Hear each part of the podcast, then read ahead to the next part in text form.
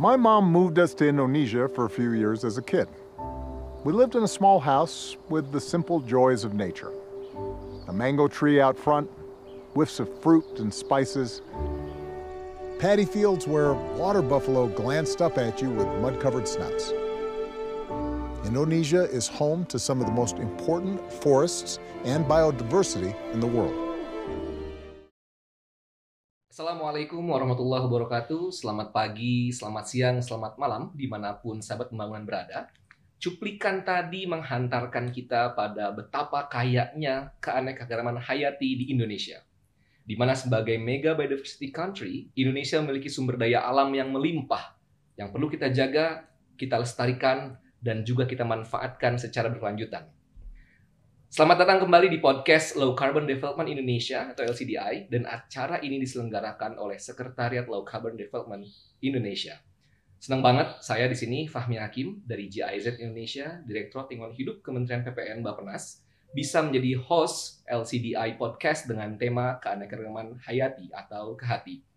Podcast LCDI harapannya dapat menjadi wadah informasi dan komunikasi kita tentang rencana, penerapan, dan perkembangan pembangunan rendah karbon dan berketahanan iklim di Indonesia. Saat pembangunan, di mana pernah berada, dalam episode kali ini kita akan membahas topik nih, mengenal tentang keanekaragaman hayati atau kehati, tapi dalam isu pembangunan rendah karbon di Indonesia. Bersama kita udah hadir narasumber yang merupakan kampium lingkungan hidup di Kementerian Perencanaan Pembangunan Nasional atau Bappenas, yaitu Direktur Lingkungan Hidup Bappenas, Bapak Dr. Medrilzam, atau yang lebih akrab dipanggil Pak Medril. Bagaimana kabarnya Pak Medril? Alhamdulillah baik Mas Fahmi. Tapi sebelum kita mulai, kita prokes ini saya boleh lepas ini ya, Oh, boleh iya, lepas masker Silakan. ya. Iya, silakan. Soalnya udah divaksin kan? silakan. udah, udah. Udah, Ya. udah, udah lengkap ya. Udah, Pak. Alhamdulillah saya juga Udah sudah. tiga kali, Pak. Ah, ya. Sih, kalau gitu kita ngobrolnya santai nggak usah pakai ini. Siap, siap. Nah, kita ingin tahu, Pak, sebenarnya makhluk yang kayak apa sebenarnya keanekaragaman hayati atau kehati ini? Apa sih itu? Oh, oke. Ya.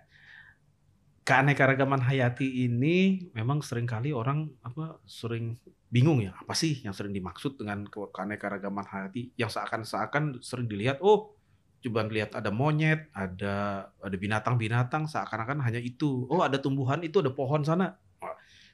Seakan-akan hanya itu keanekaragaman hayati. Sebenarnya arti keanekaragaman hayati itu cukup luas. Intinya bahwa berbagai variasi yang ada di muka bumi ini yang terkait dengan makhluk hidup di yang tinggal di berbagai ekosistemnya dalam berbagai bentuk. Bentuknya bisa dalam bentuk genetik, ada ekosistemnya sendiri gitu ya, ada spesiesnya sendiri tadi yang tanaman, tumbuhan, ya tumbuhan, binatang.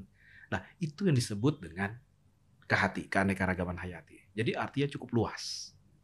Kayaknya banyak banget, Pak ya. Kita Banyak. bisa lihat ada tadi spesies, ada bagian ekosistem juga, ada juga Betul. genetik yang kayaknya belum banyak yang tahu juga genetik itu Betul. apa. Nah, melihat luasnya spektrum keanekaragaman hayati atau kehati tadi, Pak, sebenarnya seberapa kaya sih Indonesia terkait dengan kehatinya, Pak? Bisa disampaikan nggak, Pak? Kalau dari catatan global ya, Indonesia itu sering disebut dengan me- apa mega biodiversity countries. Wow. Mega biodiversity dan kita itu nomor dua terbesar. Katanya sih yang terbesar katanya Brazil. Wah, kayak gini katanya tuh. Tapi ya nggak apa-apa lah disebut Iya. nomor dua. Boleh, boleh, ya. boleh, Karena itu juga udah masif sebenarnya. Jadi Betul. ke hati kita itu masif sekali. Dan eh, variabilitasnya, oh, variasinya juga sangat besar. Bahkan ada yang bilang eh, dari catatan catatan ya saintifik bisa dibilang 15,5 persen dari tumbuhan atau flora yang ada di dunia ini itu hidupnya di Indonesia.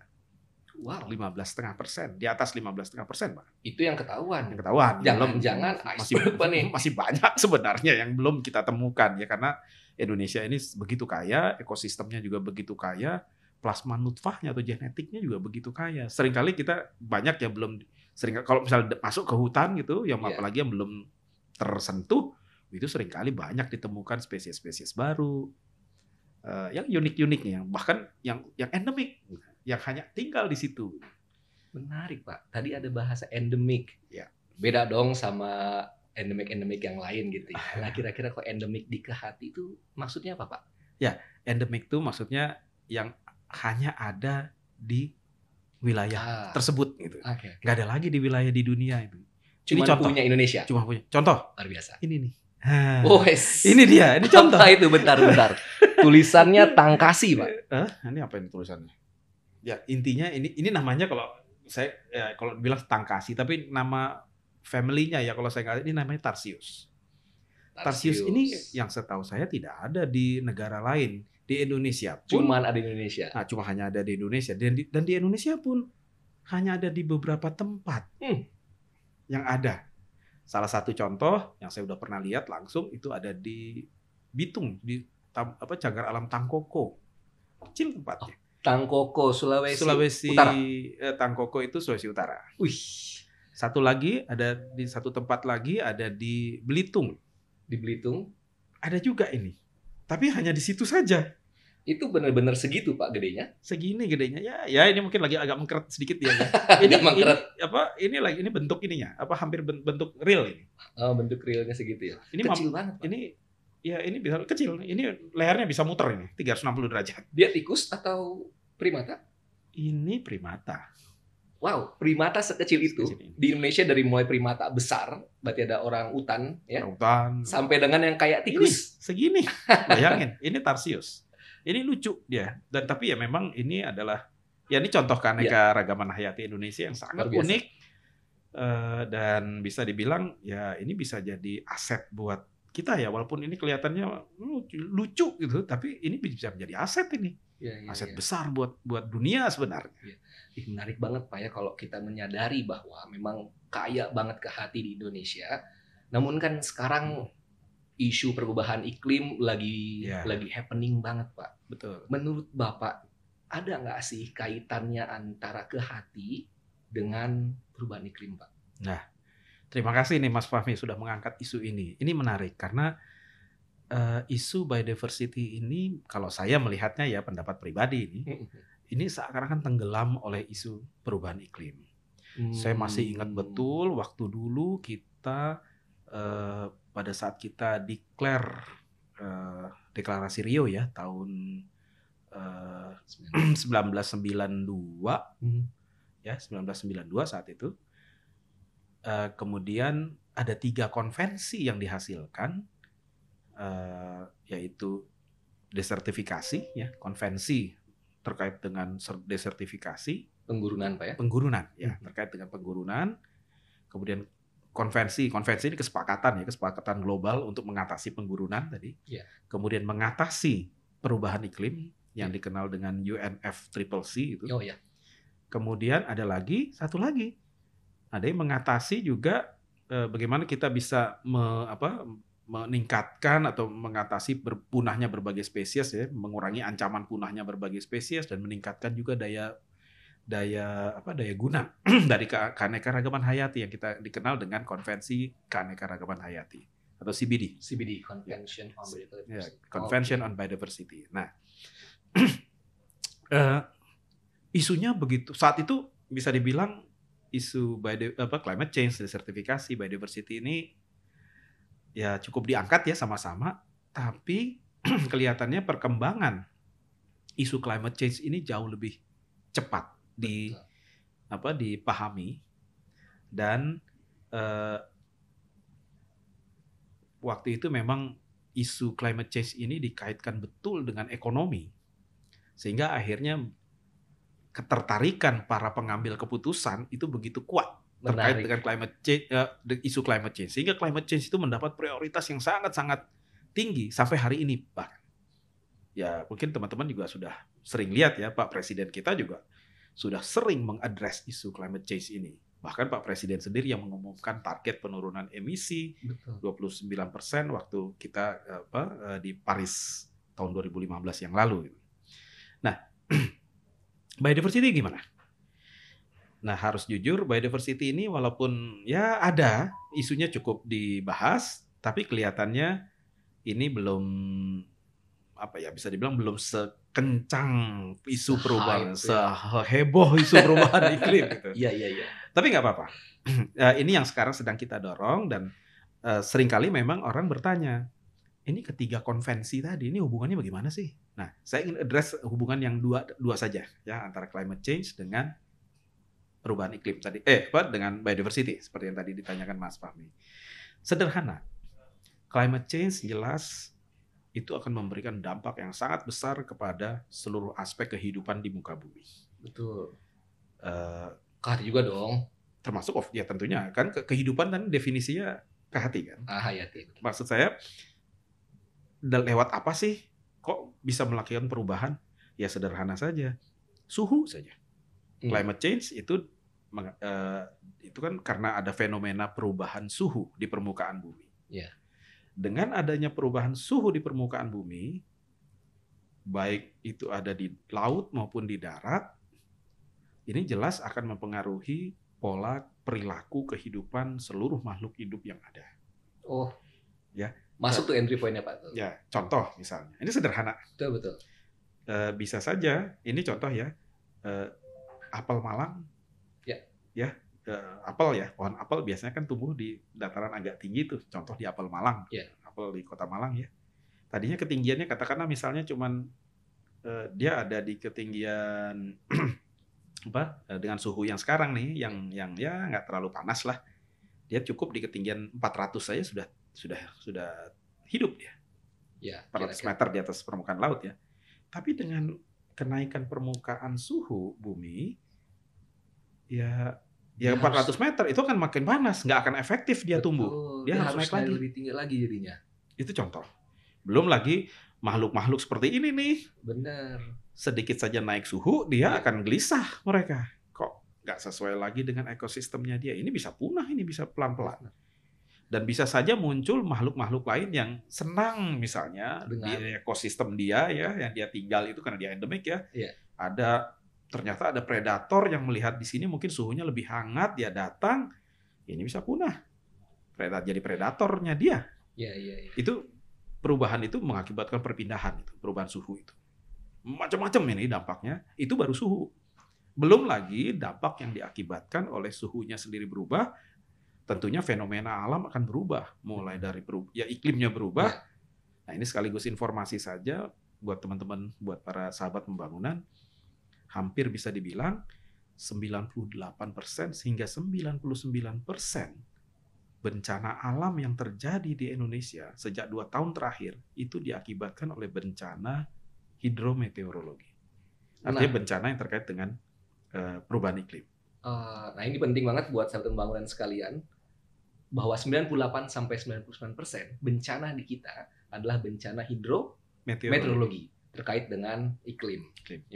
Nah, itu itu dampaknya akan besar ke seluruh aspek kehidupan, termasuk juga seperti yang kayak gini-gini nih makhluk-makhluk seperti ini. Benar. Nah, Terus ya jelas itu ya artinya perubahan iklim akan memberikan dampak kepada biodiversity kita Iya. dari berbagai aspek. Nah, terus yang sering kali orang lupa seringnya hanya satu arah nih seakan-akan dampak itu. Mm-mm. Which is itu nggak nggak benar juga karena ternyata biodiversity juga memberikan dampak balik, umpan balik kepada climate. Nah, contohnya Contoh, menarik nih.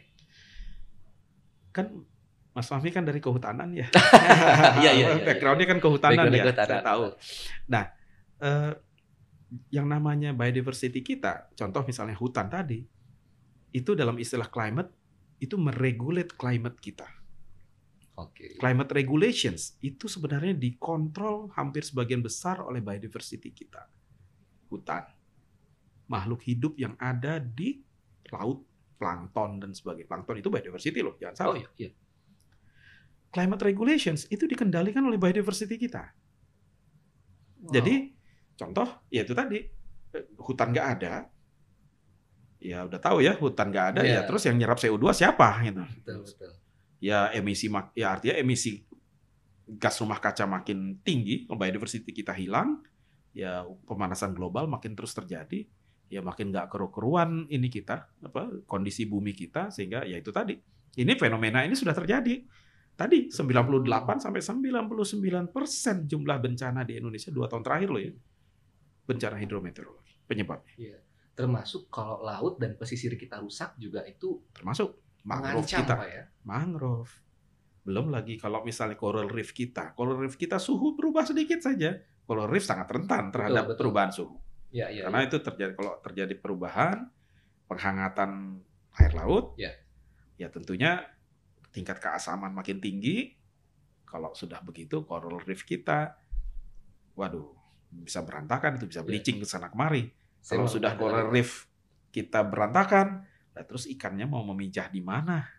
apalagi kita termasuk Indo termasuk archipelagic country Pak ya. Archipelagic country kita ini. Benar. Jadi besar sekali dampaknya perubahan iklim ini kepada biodiversity kita.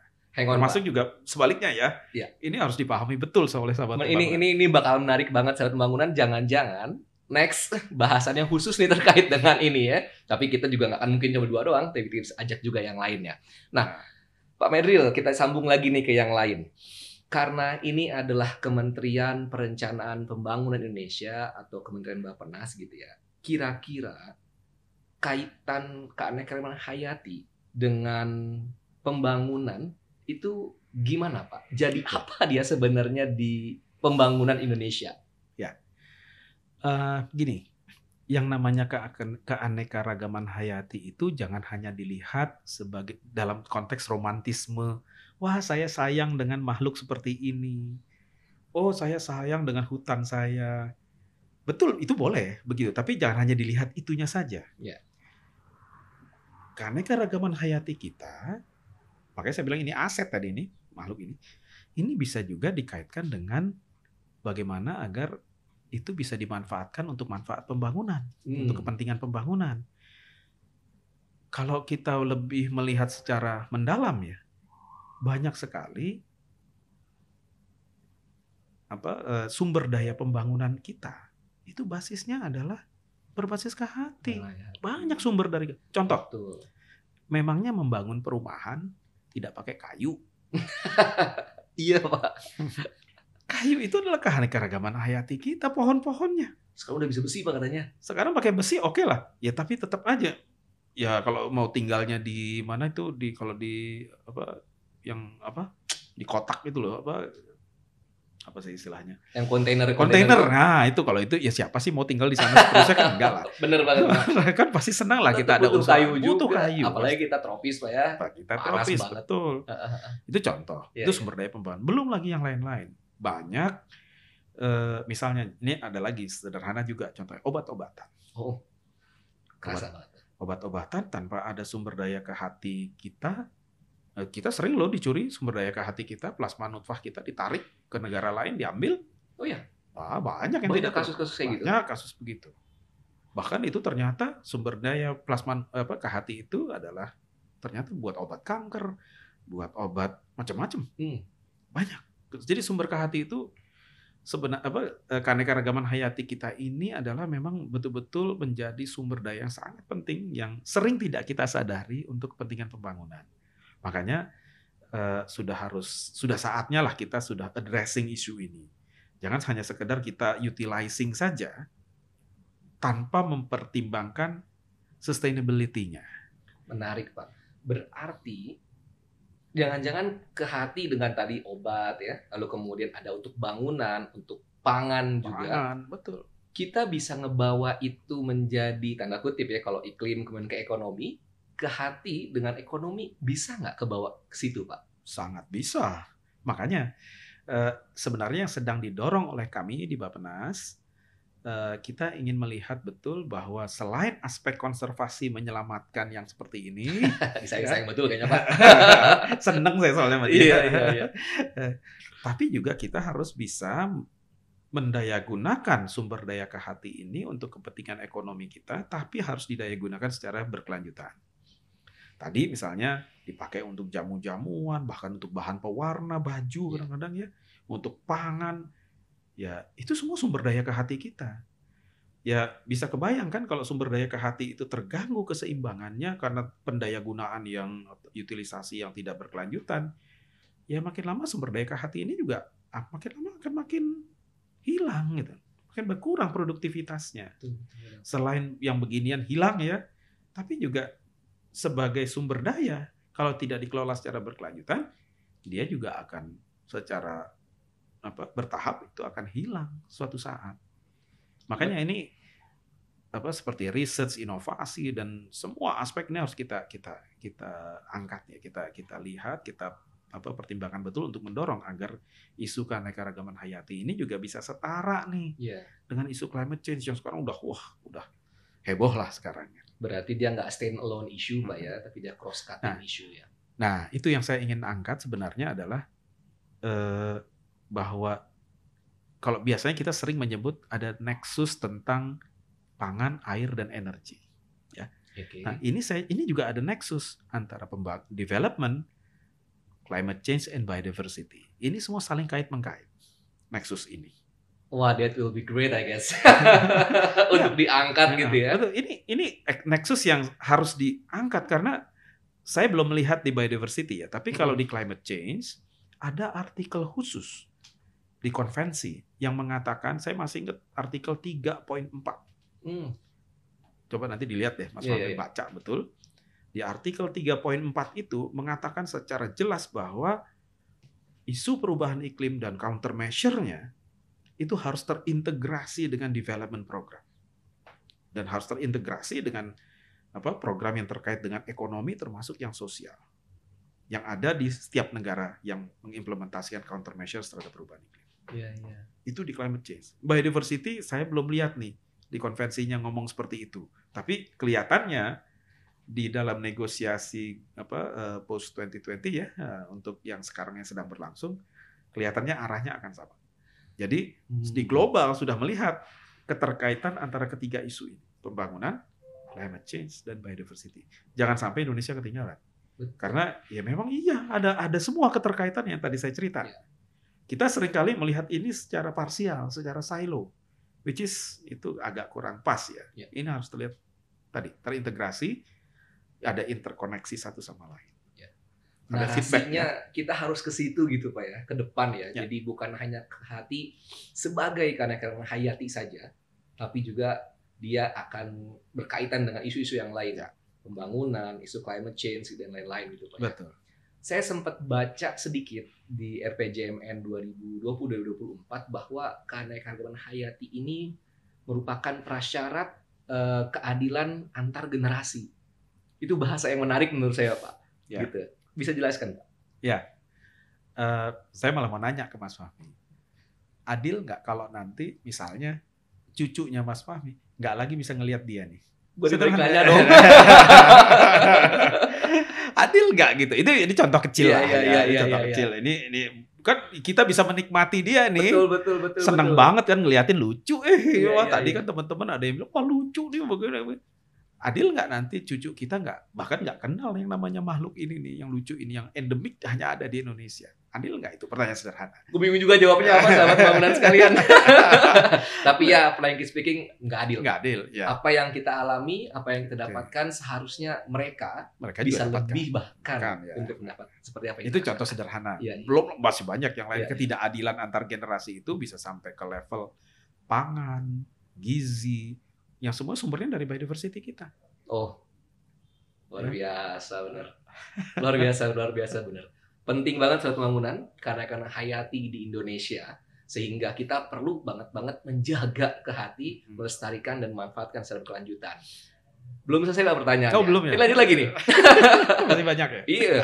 Karena menarik banget ya kalau bahas tentang ke hati itu karena ya dekat banget sama kita pak ya. Betul. Cuman yang ingin saya tanyakan lagi adalah kalau tadi kita bahas iklim, kita bahas pembangunan, ini kita bahas kita lah, masyarakat gitu Pak ya. Sebenarnya, kalau masyarakat nggak peduli tentang ke hati, ya yang tahu sekarang kan ya real-real aja lah gitu ya, kerjaan dan seterusnya gitu ya. Emang dampaknya apa Pak kalau masyarakat nggak peduli sama ke hati, dampaknya apa sih? Sebenarnya yang harus digarisbawahi tadi biodiver apa keanekaragaman hayati itu bukan yang ngawang-ngawang, itu yang real bahkan. Hmm, Real. jadi real Pak ya? Itu real. Kenapa saya bilang real? Lah ya emangnya yang kita makan itu bukan keanekaragaman hayati? Iya, iya. Beras, su- padi ya, padi itu kan sumber sumber pangan kita. ya banyak tempe, tahu itu semua berasal dari keanekaragaman hayati kita semua. Nah, itu real. Betul betul. Nah, sekarang pertanyaannya, kalau kita tidak care dengan biodiversity kita, contohlah, nah tadi misalnya eh, banyak plasma nutfah kita yang apa, eh, yang yang tadi yang saya cerita banyak dicuri orang, yang akhirnya pengembangan sumber pangan itu tidak terjadi di Indonesia, bahkan malah terjadi di luar negeri. Walaupun sumber intinya sebenarnya ada di Indonesia, kan yang rugi kita sendiri. Hmm. Dan bahkan akhirnya apa ya kita banyak import lah segala macam. Ya rugi ya kita sendiri juga. Ya, ya. Itu baru contoh yang makronya. Contoh real yang lebih konkret lagi. Uh, misalnya gini. Ini ini ber, uh, berdasarkan data ya. Banyak sekali kegiatan-kegiatan kita yang merusak hutan, ya banyak kegiatan-kegiatan baik private masyarakat eh, itu akhirnya tidak hanya dampak hutannya berantakan ya, hilang dan sebagainya, tapi juga ada dampak terhadap katakanlah misalnya apa, hilangnya berbagai serangga yang ada. Hmm. Kan serangga juga butuh rumah kan ya, Betul. untuk ekosistem segala macam. Nah, Banyak itu ekosistemnya hilang, ya serangganya hilang, serangganya hilang.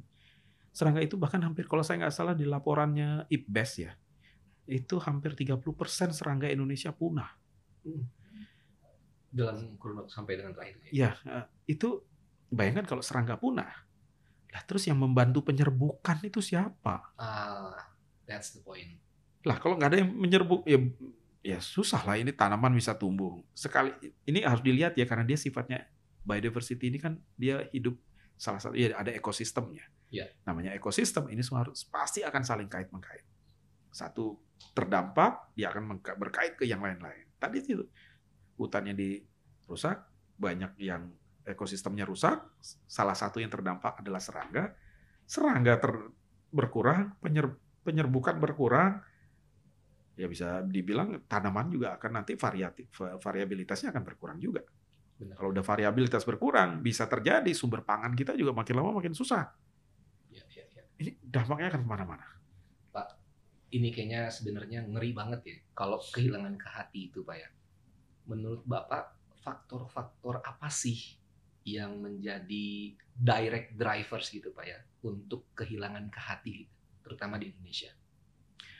Ya, eh, direct drivers ya. Ini ya jelas banyak.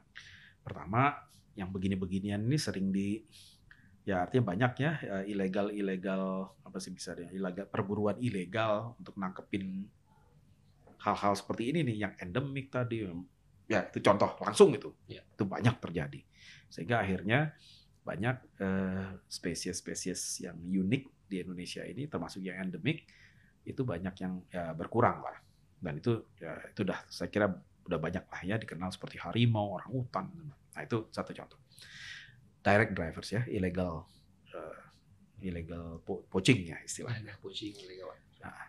Eh, kemudian direct drivers yang lain sebenarnya adalah itu tadi ekosistem dia yang rusak Ah, ya oke. Yang dirusak oleh ya kita kita ini Diambil gitu Pak ya. ya ada yang di istilahnya yang mereka tadi ini contoh lah saya kebetulan kemarin dari Palu Waduh. Ah.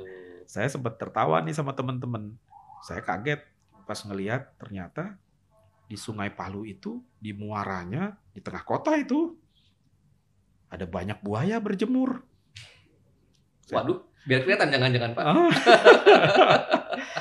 Bayangkan buaya, saya ingat saya potret betul ada lima ekor. Iya. Ada lima ekor berjemur saja santai itu buaya-buaya. Sementara orang pada nontonin. Eh, nggak lari mereka. Mereka pada berjemur aja itu buaya-buaya. pada biasa jangan-jangan itu dilihatin begitu. Saya tanya betul ke ke mana ke kepala BKSDA di sana Balai Konservasi Sumber Daya Alam. Kalau Sungai Palu mah nggak usah ditanya pak, banyak buaya di sana. Waduh. Kita juga pusing ngurusinnya, biarin aja itu kalau berjemur aja ya biarin aja gitu. Saya loh kok bisa begitu? Ya memang ekosistem, ya memang mereka ya tinggal di situ sudah lama gitu. Hmm. Ya cuman ekosistem dia makin lama makin rusak karena memang ya development tadi Ya.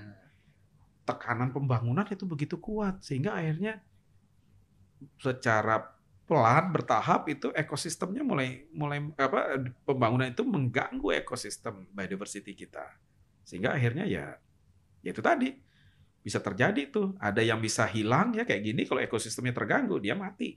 Kalau buaya mungkin dia survive ya kan. Buaya kan makhluk bisa dibilang purba ya. Banyak ya tekanan dari pembangunan akhirnya merusak ekosistem sehingga akhirnya keanekaragaman hayati kita rusak.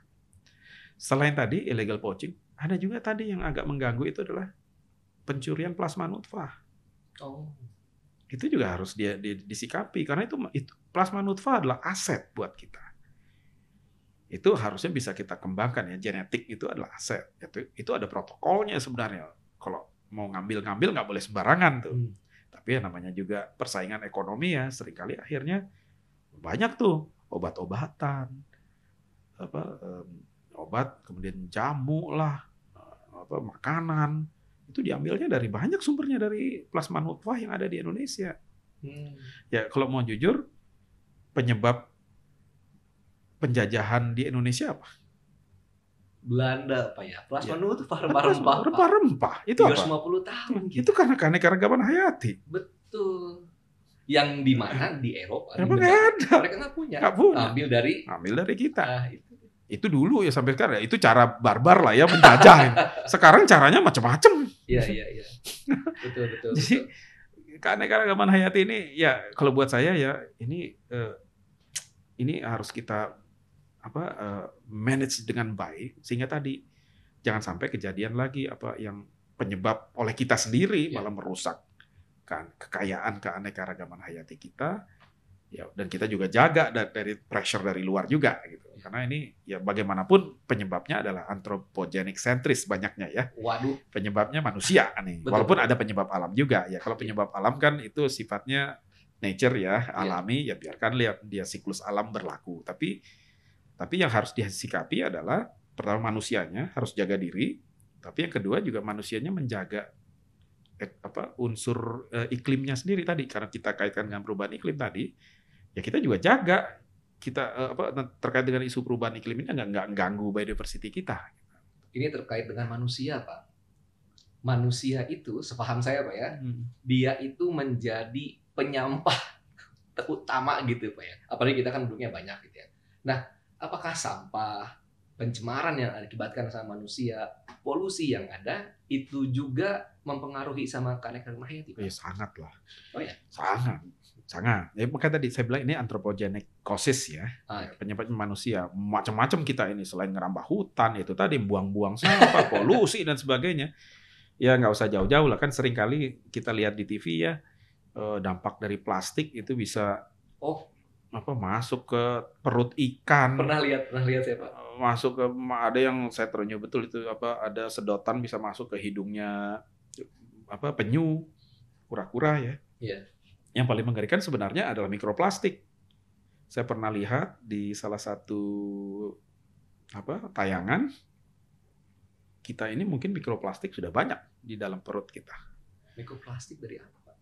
Jadi mikroplastik itu adalah eh, apa namanya eh, partikel plastik yang sudah levelnya mikro ya, yang sudah terurai mungkin dari plastik biasa yang biasa kita pakai dia terurai akhirnya yeah. lepas hingga menjadi mikroplastik. Yeah. Mikroplastik itu secara tidak sengaja sering kali akhirnya masuk dimakan oleh ikan, oleh hmm. sapi, oleh apa macam-macam yang kita makan sehari-hari yeah. masuk ke kita. Kalau sudah masuk kalau sudah terlalu baik. Kalau keluar lagi nggak masalah, tapi kalau dia ternyata masuk ke, ke peredaran darah dan iya. sebagainya, malah jadi bikin sakit. Malah ya. kita yang kena. Jadi Betul. ya tapi ininya apa? Apa perantaranya adalah ke hati kita, karena ke hati kita dulu yang kena nih. Benar. Nah itu contoh ya, itu akibat perbuatan kita sendiri yeah. ya. Nah itu tadi pencemaran, sampah, polusi, belum lagi air yang ter, ya kalau air sudah jelas ya, uh, ada banyak ada banyak penelitian uh, contoh di salah satu sungai di Kalimantan, um, apa jenis spesies yang ada di hulu sungai itu ternyata jauh lebih banyak dibandingkan dengan yang ada spesies ikan ya. ya di hilirnya. Di hilirnya. Ya itu jelas, di hilir kan polusinya lebih ya, banyak benar, dibanding benar, di hulu. Benar, benar, benar, benar, benar. Itu ada penelitian, ada berbagai ya. penelitian sebenarnya. Jadi sangat jelas dampak dari anthropocentric causes ini ya, hmm. dari mulai kelakuannya, ngerambah hutan dan sebagainya itu, Eh, termasuk poaching tadi, nyuri, termasuk kitanya sendiri buang-buang sampah, limbah dan semua. Wah, itu dampaknya kepada biodiversity kita besar sekali. Ada satu lagi sebenarnya Pak yang saya juga apa namanya pernah dengar gitu Pak. Tapi belum tahu nih di Indonesia kira-kira atau di ya di Indonesia seperti apa terkait dengan jenis asing invasif. Hmm. Bisa tolong jelasin nggak Pak dan kira-kira apa sih dampaknya gitu? Pernah dengar-dengar aja. Ya, ya. Heeh. Apa istilahnya AAS ya? Iya. Ya, IAS, sorry, sorry. Ya, IAS. Invasive Alien Species. di Ya. Indonesia kan jenis invasif. Ya. Eh, mungkin sahabat pembangunan biar gampang eh, membayangkannya invasive alien species itu Oh iya. itu adalah contoh ya. Hmm. Itu eceng gondok. Eceng gondok, eceng gondok. Eceng gondok yang biasanya di kolam-kolam. Oh iya iya iya iya iya iya. iya. Kolam-kolam di danau, di sungai. Nah, itu contoh. Saya hanya angkat satu kasus saja. Invasive alien species. Eh, eceng gondok itu bisa dilihat kan sekali dia masuk ke dalam perairan kita. Wah, itu dari luar tuh awalnya. Dari luar masuk ke Indonesia.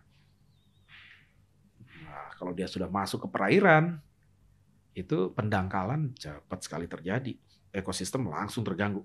Pendangkalan Pak. Kan eceng gondok mau di atas ya. Iya, tapi dia istilahnya apa ya? Dia betul-betul bisa me- menyebar, Penyebar. Dia menangkap sedimen-sedimen. Oh. Kan lama-lama makin dangkal itu. Iya iya iya iya. Jadi Nah, akarnya yang akarnya. eceng gondok itu Ah, nangkap ah, sedimen, nangkap sedimen, akhirnya sedimen, kebentuk daratan baru gitu ya. Betul. Ya, walaupun kelihatannya bagus ya bunganya ya.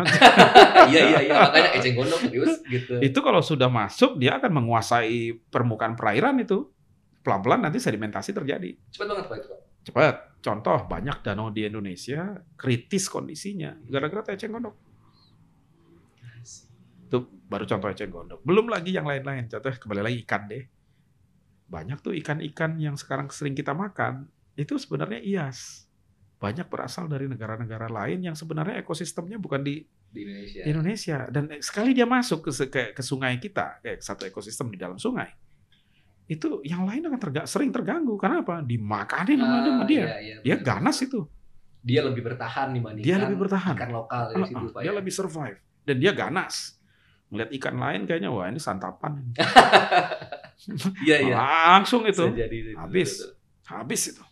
Banyak ikan-ikan yang ada dari luar itu masuk Indonesia ya kita nggak tahu ya dari mana masuknya ya. Bisa aja kan ya dari sering kan ikan-ikan hias itu banyak ikan-ikan buas itu ternyata sebenarnya. Ya, tiba-tiba lepas Iya. masuk ke ekosistem perairan kita. Uh itu jadi macam-macam ya. Bisa merajalela dia. Karena ternyata itu kalah ini ikan-ikan yang bersaing. kalah bersaing yang ikan-ikannya dari kita. Sering kejadian begitu dan dan itu kita pangan jadikan pangan tuh bahkan ada Dimakan sama kita Pak. pangan Berarti bahkan ada yang bermanfaat dong kalau gitu ya. ya ya makanya ada yang bermanfaat tapi dari sisi ekosistem itu akan terganggu Ah, karena ekosistem sih. awalnya mulanya kan dia stabil Iya. dengan adanya IAS dia akan mengganggu keseimbangan ekosistem yang ada di situ Iya. ini baru cerita tadi yang sederhana. Belum lagi kalau misalnya ada ekosistem di darat ya misalnya. Eh apa ada ada IAS yang masuk nih. Eh, misalnya lah eh, dari luar nih ada tikus atau apa masuk yang ya banyak kan sebenarnya tikus itu banyak dari kapal segala macam. Oh, iya. lepas dia ke ekosistem itu ngerusak sawah kita ngerusak itu kerugian ekonomi dari IAS. Itu cukup besar nggak main-main. Betul, betul, betul Pak.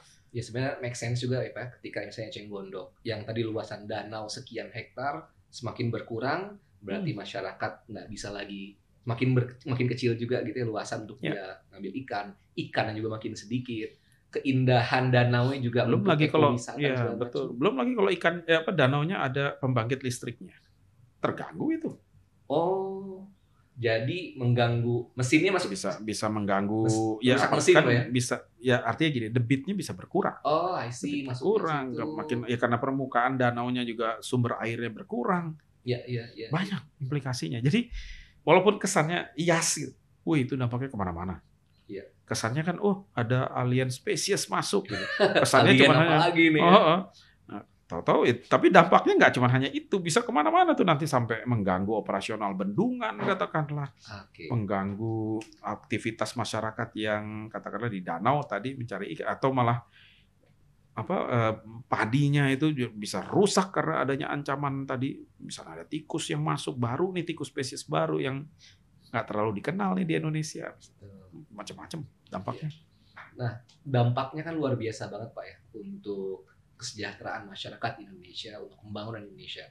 Kira-kira solusi kebijakan apa yang yang di yang mulai Nah. dikenalkan oleh Bappenas gitu untuk Oke. Indonesia? Tentunya eh, sebenarnya pemerintah sejak lama tidak tinggal diam. Ya. Sudah banyak juga action yang dilakukan, Eh, terutama pada pada aspek-aspek yang dikaitkan dengan konservasi. Ini beliau ini. Beliau. Beliau ini. Sebenarnya ya ini ya kita sekarang kita jaga betul ya dengan berbagai upaya konservasi kita.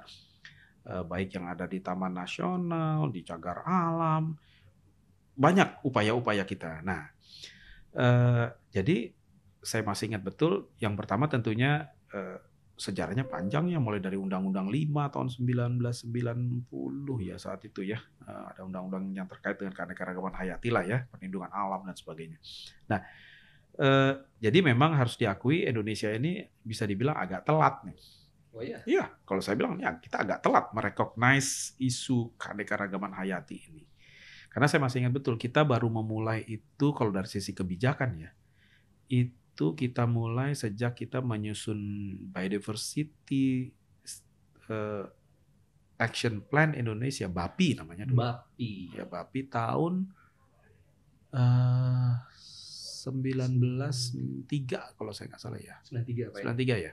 Kan tadi Rio 92 Ah, ya. ah, Mungkin ya, setelah ya, itu. baru setelah itulah gitu ya. Dan itu pun bisa dibilang ya belum ya yang yang bikin bule, Masa Pak? yang yang bantu kita tuh bule lah gitu ya. Oh, Jadi iya? kita aja sendiri ya masih ingat lah saya tuh para bagawan-bagawan keanekaragaman hayati dunia masuk membantu Indonesia karena Indonesia udah dikenal mega biodiversity country kan. Tapi ya kita kitanya masih kebanyakan santai-santai nih.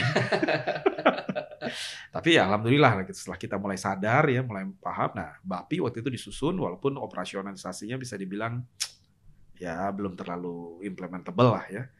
Nah, mulai setelah eh, ya agak agak panjang ya, kemudian kita baru menyusun yang namanya Indonesia Biodiversity Strategy and Action Plan. IPSA. IPSAP.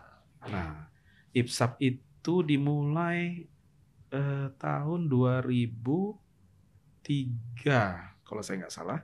Ya, tahun 2003 saya masih ingat betul saya ikut membantu menyusunnya walaupun nggak terlalu involved banget tapi di ruangan ini saya ingat banget ke ininya apa finalisasi dokumennya di ruangan ini IPSAP 2003 sampai 2020 Iya. yang kemudian tahun 2015 itu direvisi karena udah perjalanannya panjang mulai direvisi itu 2000 sehingga ada lagi IPSAP versi 2015 sampai 2020. Nah, eh, tapi begini eh, kita dari sisi kebijakan ya eh, ini sudah mulai diadres, sudah mulai di apa Perkenalkan. diperkenalkan dan mulai ditempatkan di dalam tadi konstelasi pembangunan. Walaupun harus kita akui belum terlalu strong dibandingkan climate change. Ah, Oke. Banyak eh, aspek yang perlu kita eh, benahi eh, di dalam biodiversity ini, manajemen keanekaragaman hayati kita ya, yang yang tadinya hanya terus berorientasi kepada konservasi. Nah ini ini perlu kita mungkin zamannya udah berubah nih sekarang. Ya. Banyak yang perlu kita pertimbangkan aspek-aspeknya. Eh, tadi saya juga sudah cerita di global pun sekarang sudah mulai melihat bagaimana interlinkage antara pembangunan, biodiversity, climate. Nah, itu sudah mulai dilihat. Nah, kalau IPSAP kita yang yang sampai 2020 tadi sudah coba diadres Hmm. isu pembangunannya, tapi belum kalau menurut hemat saya masih terus perlu kita kita Tingkatin, ya? tingkatin lagi, kita Hmm. perkuat lagi, kita perjelas lagi. Nah, eh, kami di Bappenas sekarang ini sedang punya PR tentunya bersama dengan kementerian lembaga yang lain eh, untuk menyusun IPSAP yang baru. IPSAP yang baru. Nah, jadi Indonesia Biodiversity Strategy and Action Plan yang baru. Karena yang 2020 sudah Sudah selesai. habis. Nah, kami punya PR besar untuk menyusun yang baru. Ini agak bisa dibilang harusnya kan nyambung ya 2021 sampai Ini setelah udah 2022 ini nih. udah 2022. Ya. Nah, ini ada persoalan sedikit harus saya sampaikan di sini eh, kepada sahabat pembangunan semua. Memang kita sekarang sedang dalam proses transisi. Proses transisi sambil melihat kira-kira global mau arahnya ke mana. Karena ternyata di Hmm. global, ya mungkin karena dampak COVID ya, ya, karena dampak COVID sehingga negosiasi yang ada di global ini juga terhenti, Maksudnya mundur Pak, gimana? mundur. Ya, Mundur ya. terhenti maksudnya ya sekarang ini berhenti, ya agak-agak mundur nih, walaupun prosesnya terus berjalan, tapi agak tersendat-sendat lah ya. Tersendat-sendat Ya, dan COVID sampai sekarang ya. juga nggak tahu nih eh, finalnya kapan. Ya. Decision untuk setelah 2020 gimana kita. Ya. Makanya tadi saya bilang ini post 2020 gimana? Post 2020. Jadi kita ada sekarang ini di global ada negosiasi yang sedang berlangsung dalam konteks biodiversity ini yang terkait dengan eh, apa istilahnya global biodiversity framework untuk post 2020 ini sedang di, di, digodok ini di, dinegosiasikan dan kita pun sebenarnya Indonesia sebenarnya bukan hanya bukan menunggu saja tapi kita sudah memulai. Tapi kita juga sedang antisipasi nanti keputusan global mau seperti apa. Ya, tentunya Ah, bagaimanapun- paralel gitu Pak ya. ya kita sudah mulai nih penyusunan IPSAP itu yang baru tapi bisa ya kita juga harus pinter-pinter nih dalam Iya. menyikapi hasil nanti dari global bagaimana karena bagaimanapun kita kan bagian dari masyarakat global ya Iya, betul. dan kita harus antisipasi bagaimana arah keputusannya dan ya tentunya kepentingan nasional harus di atas segalanya Eh, tapi tentunya kita tidak bisa menafikan ada kepentingan bersama di kepentingan global. Nah, tentunya ini yang nanti harus kita padukan. Dan kami di Bappenas bersama teman-teman kementerian lembaga yang lain, ini hati-hati betul di dalam menyusun IPSAP yang baru nanti. Jadi nggak nggak nggak main bikin aja nggak. Kita harus lihat betul berbagai aspeknya, baik dari aspek tadi konservasinya, bagaimana aspek sustainable use-nya, bahkan sampai kepada aspek katakanlah bagaimana nanti investasi dan sebagainya. Ya. Itu harus ditimbang-timbang betul. Monitornya bagaimana, macam-macam. Pinjem bahasa Bapak ya. Tadi Bapak bilang konstelasi. IPSAP tadi post 2020 dengan kan saya dengar juga akan ada RPJMN baru, Oh iya. ada RPJP baru. Ini gimana Pak? Nah, terima kasih nih Mas Fahmi udah ngangkat. Jadi gini, tadi kan saya sudah menyampaikan eh, bahwa eh, keanekaragaman hayati kita kan memang kan ini menjadi sumber daya pembangunan. Ini dalam- sudah hampir pasti ya, eh, karena kami tadi kalau di Bappenas akan mengangkat tiga nexus tadi, development, climate, dan biodiversity. Ini akan menjadi semacam roh besar dari RPJPN yang baru nanti. 2025 2025 sampai 2045. 20 tahun ya dong. Ya, RPJPN dia 20 tahun. Oke. Eh, jadi RPJPN yang sekarang ini akan habis di 2024 ya, mulai dari 2004 ya waktu itu, 2004 sampai 2024. Nah, ini 2025 sampai 2045. Pas 2045 itu adalah 100 tahun Indonesia Emas. Ah, ngunci di situ. Nah, jadi memang ada visi besar dari kita semua bahwa pada saat nanti di 2045 kita sudah kita berharap bahwa kita pertama adalah lepas dari middle income trap karena sekarang ini kita dalam posisi masih dalam middle income trap nggak boleh lama-lama itu Hmm. harus bisa lepas dan harus bisa menjadi negara maju setara dengan negara maju yang lain. Nah, tentunya untuk mencapai ke sana itu harus didesain dengan baik, didesain dengan benar proses apa perencanaan pembangunan kita, tahapan-tahapannya seperti apa, strategi besarnya bagaimana. Nah, strategi salah satu strategi besar yang sudah disetujui oleh bahkan Pak Presiden sendiri sudah sudah menyetujui bahwa ini adalah the way to go forward Wow. kita melakukan kita harus melakukan sebuah transformasi ekonomi. Yang salah satu strateginya adalah green economy. Pernah dengar saya, Pak? Kalau green economy, backbone-nya sudah harus pasti low carbon development itu akan menjadi backbone-nya dan Ya. tentunya ini harus tadi didukung dengan biodiversity kita. Kalau Hmm. bio- kalau cuma hanya sekedar low carbon development, ya itu kan hanya menjawab aspek climate. Iya. Tadi kan saya sudah sampaikan nggak bisa melepas nexus antara development, climate dan biodiversity. Semua saling kait mengkait. Tadi fungsinya biodiversity kita meregulate climate. Iya. Climate memberikan dampak kepada biodiversity Diversity. kita. Biodiversity punya dampak kepada pembangunan. Betul. Pembangunan juga berdampak kepada bi- biodiversity. Ya kan? Iya. Pembangunan kepada climate change sudah pastilah itu Iya. Pak. Jadi ini semua saling kait mengkait. Nah, makanya di dalam RPJPN kita nanti ketiga isu ini akan menjadi spirit besarnya yang akan diadres. Wow. Ya tentunya kalau sudah bicara RPJPN, ya ini akan diimplementasikan di dalam RPJP, RPJMN-nya lima tahunan. Ya. Nah, kebetulan ya insya Allah ya kita sendiri yang akan menyusun tentunya ini harus koordinasi dengan seluruh kementerian lembaga bersama pemerintah daerah. Ah, jadi RPJPN ini akan jadi kunci ke depan. Arahnya bagaimana pembangunan kita? Ya harapan kami tentunya biodiversity ini juga akan menjadi salah satu aspek yang dikedepankan. Sebenarnya RPJPN yang dulu sudah, yang sekarang sedang berlangsung ya. Iya. Tapi apa ya? im- apa ya eh, kejelasannya dan juga men- bagaimana operasionalisasinya itu belum tergambar dengan clear, Hmm. belum terangkat dengan kuat. Jadi ini mau lebih down to earth gitu Ini ya? mau lebih down to earth betul sekali. Ya, bahasanya mungkin gitu. Ini mau lebih down to earth di RPJPN-nya nanti betul-betul jelas arahnya gimana, linkage-nya bagaimana. Bahkan kalau bisa sampai ya ini sedang dalam proses kita juga punya indikator yang terukur bahkan. Ah, menarik Untuk biodiversity. Mas Indikator, Pak.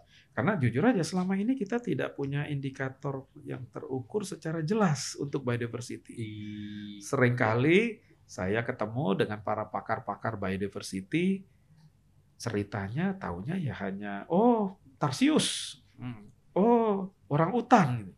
Tapi pada saat ditanya kalau bicara biodiversity secara keseluruhan, secara makro secara indikatornya besar gitu ya. eh, makro ini ada alat ukur keberhasilan nggak? Ternyata nggak punya. Selama ini kita nggak punya. Bayangin. Main indicators Kalau Iya, istilah saya tuh apa ya?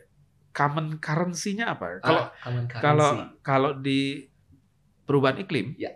ya di climate change, common currency-nya sangat jelas tuh. Apalagi di mitigasi, di low carbon itu. Apa?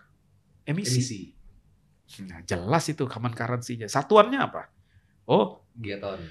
ton CO2 ekivalen. Nah, kan gampang langsung menyebut orang semua udah clear. Oh, jadi targetnya menurunkan emisi. Iya, Clear. semua ke situ. Semua udah langsung paham. Iya. Ya, anak SD, SMP juga pada saat menurunkan emisi udah ngerti langsung. Betul.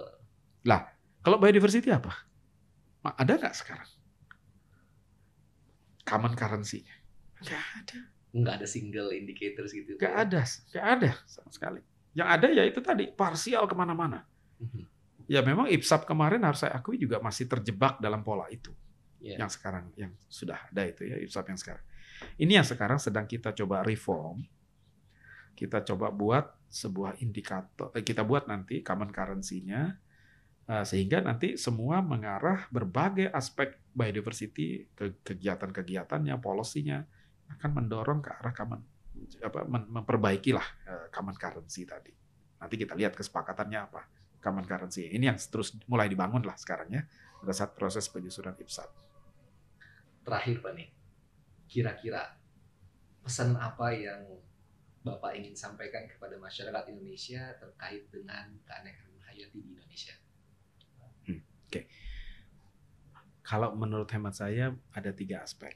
Yang pertama, bagaimanapun kalau kita ingin action, ya, tentunya kita harus memahami dulu apa yang kita akan lakukan. Sepakat betul. Untuk memahami itu, tentunya kita harus pelajari betul. Apa sih? Jadi karena bicara tentang ke hati, apa sih ke hati itu? Tadi apa sih manfaatnya? Bagaimana kalau ini hilang, ke hati kita hilang? Bagaimana kalau tiba-tiba tarsius ini hilang aja? Nggak apa-apa, dipelajari dampaknya. Pelajari betul. Nah, kalau kita sudah memahami, tentunya action. Nah, action ada selalu ada dua. Tadi kalau dalam konteks ke hati yang saya ingin dorong. Pertama, tentunya aspek yang terkait dengan konservasi tadi. Bagaimana kita bisa menyelamatkan ke hati kita. Contoh ini tadi misalnya lah ya. Kita selamatkan, kita bantu konser upaya-upaya konservasi kita, penyelamatan banyak ya eh, keanekaragaman hayati kita yang hampir punah. Nah, eh, itu harus kita kita manage dengan baik, kita kelola dengan baik. Bahkan kalau bisa ancaman kepunahan tadi kita balikkan menjadi eh, apa ya hilang status punahnya. Bahkan kalau bisa kita perkaya nih biodiversity kita gitu ya. Pulih lagi Pak. ya. Pulih lagi. Dan semakin kaya. Nah, Nah, itu yang ketiga, itu yang kedua ya, yang selamatkan. Setelah kita pelajari, kita selamatkan. Yang ketiga, yang ketiga yang tidak kalah penting, sumber daya kita ini kita daya gunakan. Ke hati kita ini kan sebagai sumber daya. Kita manfaatkan, tapi manfaatkan tentunya harus secara baik berkelanjutan. Jangan eksploitasi besar-besaran. Ini masyarakat kita kan sering wah eksploitasi nih, wah besar-besaran. Nah, bagaimanapun yang namanya keanekaragaman hayati, dia kan adalah bagian dari ekosistem. Itu ada daya dukung dan daya tampungnya. Ada carrying capacity. Carrying capacity. Itu juga nggak boleh kita lupakan. Pada saat kita mendaya gunakan, aspek carrying capacity itu akan menjadi penting. Harus kita pertimbangkan betul karena tidak akan mungkin yang namanya kita terus mengeksploitasi tanpa ada batas-batasnya. Saya kira tiga aspek itu, Mas Fahmi.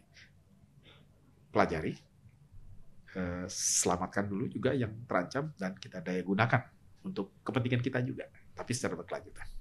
Menarik banget Tamidul ya. Berarti kalau saya bisa singkat, save it, study it, and use it. Kalau saya study it dulu. Oh, study it, Study it dulu. Study it, save, save it, it, and and use use it. Menarik banget Pak. Sahabat pembangunan di mana pun Anda berada, demikian podcast LCDI kita kali ini dengan tema keanekaragaman hayati Indonesia. Terima kasih kepada Direktur Lingkungan Hidup Kementerian PPN Bappenas, Bapak Medil Zam, yang telah ngasih banyak banget kita pengetahuan terkait dengan keanekaragaman hayati. Dan nggak cuma sampai situ, tapi PR-nya masih banyak nih, karena kita juga pengen tahu terkait dengan kehati dan perubahan iklim. Tadi juga udah bicara tentang kehat tentang IPSA Post 2020. Apalagi itu nanti, tapi nggak kali ini ya, karena kali ini cuma sampai sini ya dulu sementara. Kita bakal ketemu lagi di kesempatan-kesempatan podcast LCDI dengan tema keanekaragaman hayati berikutnya. Dan bagi satu bangunan sekalian yang pengen mau yang pengen ngasih komen, bisa kawan-kawan isi di kolom komentar di bawah begitu ya. Termasuk topik apa yang mau di dibahas sama kita. Jadi nggak mungkin dari kita aja, tapi silahkan aja kawan-kawan mau munculin topik-topik yang terkait ke hati yang lain yang memang ingin dibahas, silahkan banget. Saya Fahmi Hakim undur diri dan terima kasih sampai jumpa di lain kesempatan. Assalamualaikum warahmatullahi wabarakatuh. Selamat pagi, selamat siang dan selamat malam. Assalamualaikum. Waalaikumsalam.